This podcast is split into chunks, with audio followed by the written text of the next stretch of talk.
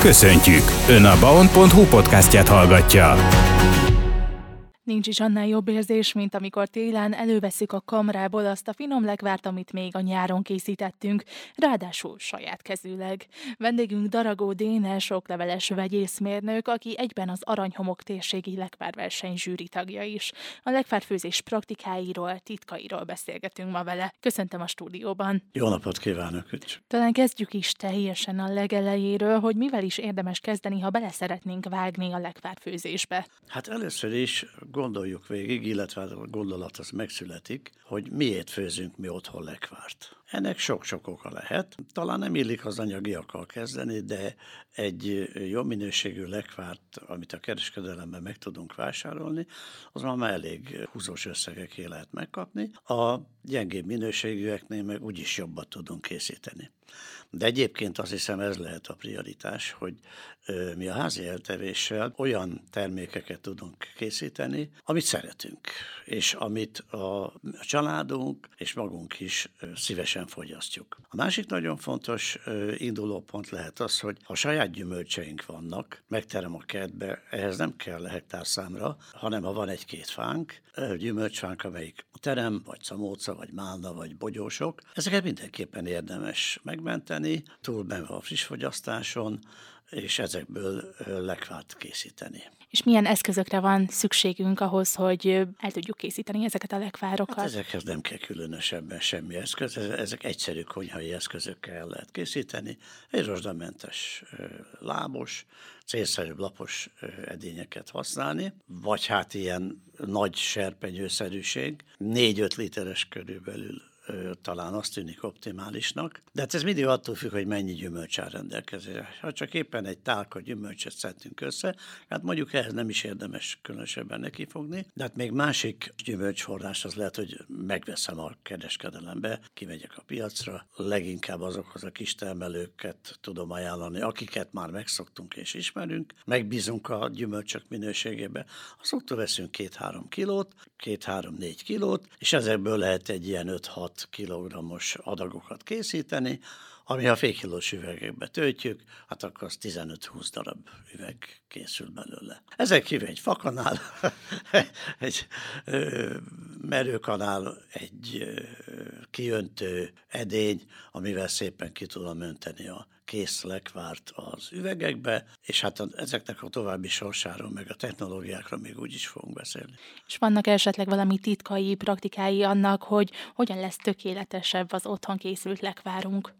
Hát különösebb titkai nincsenek, van egy adott technológia. Két fő termék csoportot lehet itt megkülönböztetni. Egyik a hagyományos módon készülő lekvárok, mint például a szilvalekvár, baracklekvár, amit hosszú-hosszú főzési folyamattal készítünk, órákig kell mellett állni és kevergetni, amíg be nem sűrűsödik arra a kívánt sűrűségre, amigen, amit el nem fogadunk.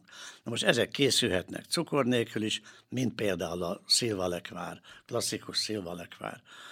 Az cukor nélkül készül, de lehet hozzáadni cukrot is, akkor előbb kész van.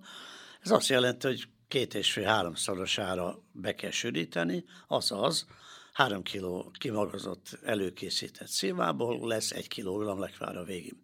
De hát ez olyan kemény, hogy megáll benne a kanál. De ez nagyon jó. Most a sárga barack kajszi lekvárt is, ha ilyen hagyományos módon készítik, abban azért szoktunk cukrot tenni, általában a főzési folyamat során többször is, hogy ki, mert amikor hozzátesszük a cukrot, akkor igul, akkor kevergetjük, tovább kevergetjük. Ez szintén egy órákig tartó folyamat, melynek a vége az, hogy egy jó ízű, egy elkaramellizált terméket kapunk, ami olyan jó barna lesz, mint a barna cipő, de egy fajta és egy klasszikus, jó ízű lekvár. A másik típusai a lekvároknak az, amihez, amikor adalékanyagokat készítünk, zselésítő anyagokat használunk, zselésítő anyagokat használunk. Ez egy egész más minőségű terméket ad. Itt egy friss, gyümölcsös ízt kapunk meg a lekvárba, üde színű, üde ízű, mert a főzési folyamat az igen rövid a korábbiakhoz képest. Ezekhez a zselésítő, ez a zselésítő anyagok, ez egy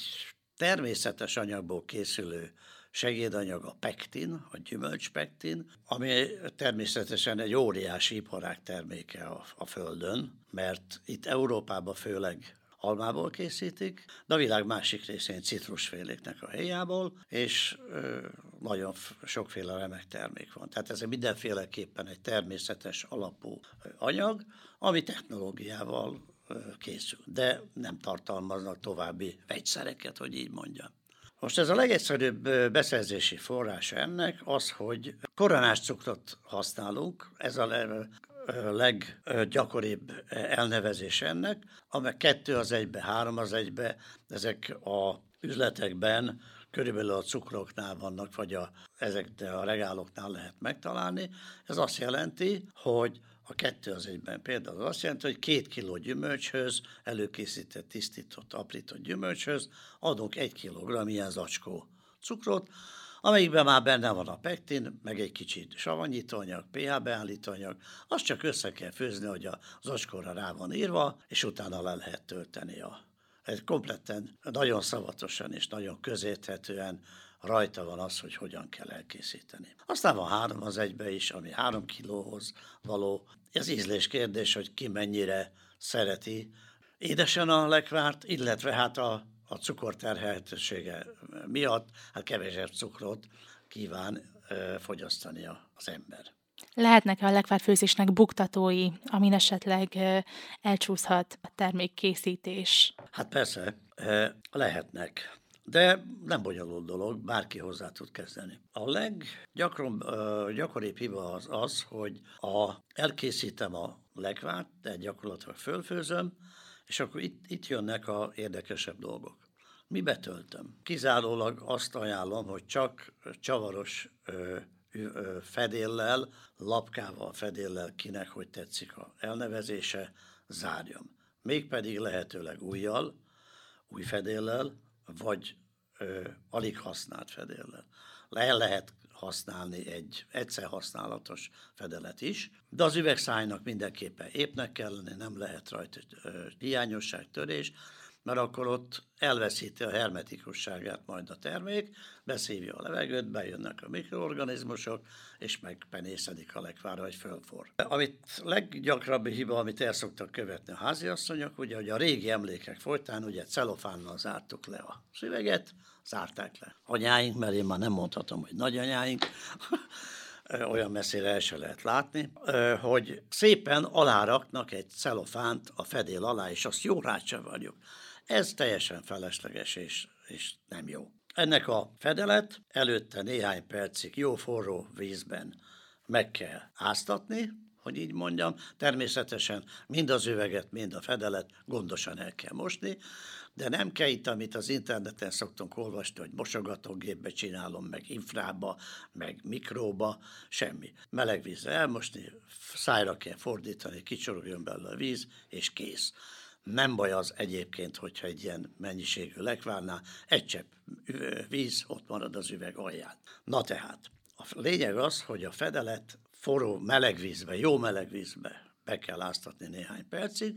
Ez azt eredményezi, hogy az a tömítő anyag, ami körbe ott van, a, nem nagyon látszódik ez, mert ez egy fehér műanyag, ez megpuhuljon, és kellene elasztikus legyen, hogy amikor van jó erős mozdulattal, akkor az beleüljön az üvegszájába. Üvegszája bele nyomatot képezzen ebbe. Ez a lényeg a dolognak. Ha, ha ezt jól csináljuk, akkor már a hibák 90%-át kiküszöböltük. Mert még azért utána mindenképpen azt javaslom, hogy száraz dunst helyett, vagy fejrefordítás helyett használjunk úgynevezett klasszikus dunsztolást, pasztőrözést. Ez azt jelenti, hogy vízfürdőbe föltesszük egy nagyobb edénybe a lezárt üvegeket, már meleg legyen a víz, amikor belerakom. Jó, ha körülbelül olyan hőmérsékletű, mint amilyen a, a lekvárok jó melegek. Ráteszek egy fedelet és fölforralom a, fü, a fürdővizet, néhány percig lezárom, és utána kész.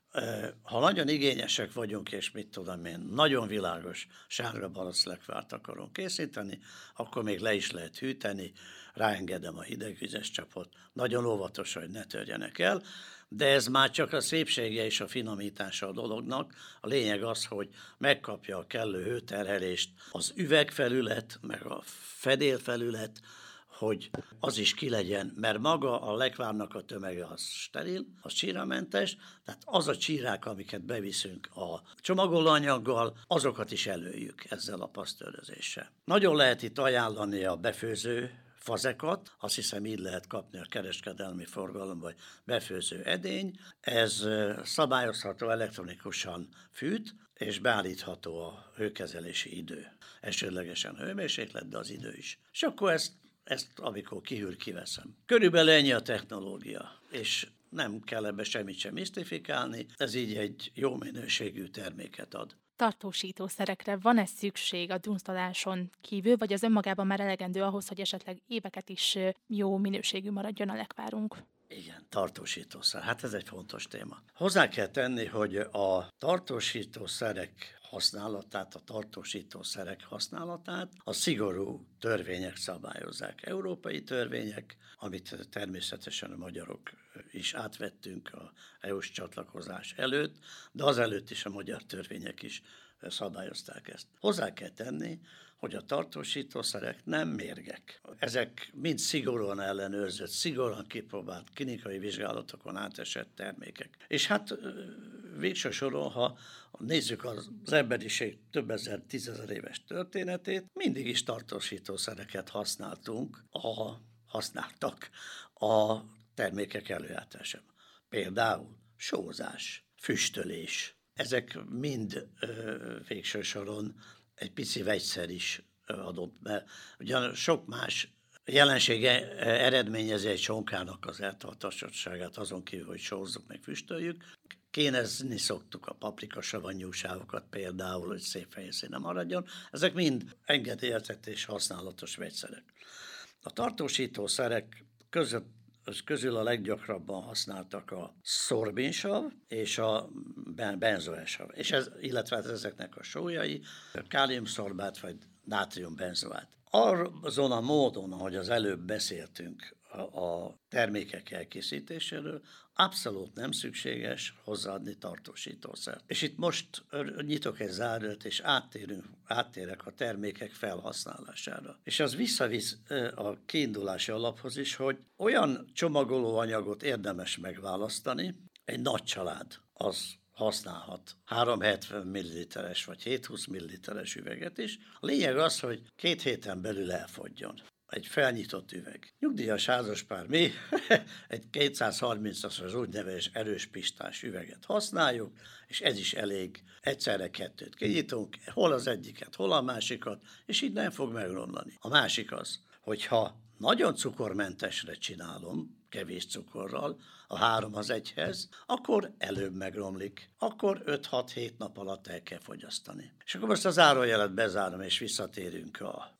tartósítószerekre. Hát esetleg ilyenkor lehet a tartósítószernek jelentősége, de még egyszer mondom, hogy nem használjuk, fölösleges használni. Ha a kettőt összehasonlítjuk, szorbinsavnak, káliumszorbátnak, semmiféle káros hatását nem tudták még kimutatni, a nátrium benzoátnál én ismerek több embert, akik allergiásak lettek rá. A mai világban ugye az allergia, a táplálékallergia az egy nagyon fontos dolog, és hát itt van, aki ezen fönnakad, és az nem használhatja. Meglehetősen részletesen beszélgettünk már a lekvárkészítés technológiájáról, buktatóiról, esetleg tartósításról is most az imént, viszont nem feledkezhetünk meg arról sem, hogy ön az Aranyhomok kistérségi lekvárfőző verseny egyik tagja, és felvetődik a kérdés, hogy mi alapján lehet egy lekvárt értékelni, hiszen tulajdonképpen mindenkinek más az ízlése. Erről beszélgessünk most egy kicsit. Jó, nagyon jó, mert akkor ebbe a második témakörbe tudom elmondani azt, hogy ugye nem csak szóló egynemű lekvárokat lehet készíteni, hanem kombinált, teljesen szabad fantáziával alkotott készítményeket lehet előállítani. Na most a versenynél ezt úgy három kategóriát alkal szoktunk kikötni, illetve hát ugye az Aranyomok Kisztérségi Társaság írja ki ezt a versenyt, ők a versenypályázatoknál már kitűzik, hogy a klasszikus lekvárok, amiről beszéltem, hogy amit hosszú főzési eljárással készítünk. A második kategória az egynemű lekvárok, tehát egy lekvár, egy őszi lekvár, málna lekvár, a harmadik pedig a kombinált termékek, aminél hát persze a legtöbb verseny darabbal találkozunk. Itt gyakorlatilag számításba jöhetnek egy fűszerezet, például levendulával, vagy pedig több gyümölcs készítmény, gyümölcsféleséggel alkotott készítmény. Tehát ez a három kategória van a versenynél. A legtöbb munka az ebbe a, a kombinált kategóriába szokott beérkezni. Na most a elbírálás szabályai. Hát, és ezt el szoktuk mondani mindig az értékelésnél is, hogy maguk, magát a szakmai szempontoknak egy részét érintettem a technológiák, illetve a hiba lehetőségek témakörében. Ezektől legyenek mentesek a, a pályamunkák, tehát ezek egy kellően letöltött, tartósággal rendelkező termékek. Tehát így, ahogy mondtam, hogy legalább az alatt az egy hétig elálljon, amíg a zsűrizés megtörténik. Sokszor találkozunk olyannal, hogy már megherjedve kerünk, mert ugye előbb begyűjtik egy pár héttel az aranyomokos kollégák, és hát bírálat az egy augusztus elején közepén van, és ahogy az eredményhirdetés pedig a híres napokon ö, szokott történni, és akkor hát már addigra megromlik. Aztán kaptam, kaptunk már olyan lekvárt, amelyik egy uborkás üveg volt félig töltve, és az uborka címke lett még róla levakarva. Tehát szóval ilyen minimális igényel rendelkezzünk már magunk felé, hogy olyan munkát adjunk ki a kezünkből, amit, ami azért megállja a helyét. És mi is szívesen elfogyasztanánk a versenyzők, akik ezt elkészítik. Egyébként hát majd azért mindjárt mondom szakmailag is a bírálati szempontokat, a minőségi paramétereket, mert ezt így is lehet fogalmazni. Hát a termék színe, illata, íze, állománya. Azt hiszem ezt a négy-öt paramétert szoktuk vizsgálni, és ez itt főleg a állományra, színre térek ki, mert az a véleményünk a zsűrinek egységesen, hogy a lekvár az legyen lekvár. Az nem lehet egy gyümölcsszörp, egy ö, olyan gyümölcs darálmány, aminek leengedtük a levét. Ezek nem tetszetősek. Egy ö, lekvárnak az állománya annak kehetőnek, sűrűn folyónak kell lenni. Az se jó, annyi kettő az egyben cukrot használok, hogy megálljon benne a kanál, mert az nem. Ennek a lekvárnak kehetőnek kellene, hogy a vajos kenyéren szépen megálljon, ne legyen darabos, tehát be úgy értve, hogy kemény, és ne folyjon le és ne folyjon le. Legyen szép, fényes. Ezek a pektin adalékanyagok, amiket ezek tartalmaznak, ezek biztosítják azt, hogy nagyon szép, ragyogó lekvárokat fogunk kapni. Mi volt az eddigi legkülönlegesebb lekvár, amit kóstolt? Hú. Ha emlékszik még rá, hogy a sok közül. Hát nem tudom, mert magam is sokféle ízesítésű, meg kombináció lekvárt készítek, és ezektől most ne, nem könnyű elvonatkoztatni. Mi nekünk kedvenc a családunkban, a feleségemmel kedvenc lekvárunk a sárga barack, gyömbérrel ízesítve például megyeket el lehet képzelni, ugye sokféle piros gyümölcs mellé, vagy akár más gyümölcsel is, mint szín, színező anyagot. Tehát, hogyha rózsaszínűre, pirosra akarom csinálni, akkor megyet, szedret, bodzát rakok bele. A bodzát érdemes külön kiemelni, mert az ugye környékünkön ezer tonna számra termesztik a bodzát, a festőbodzát, termesztett bodzát. Ezért ennek mind a virágából készített kivonatot lehet használni legfárfőzéshez, és legfőképpen a bogyóját.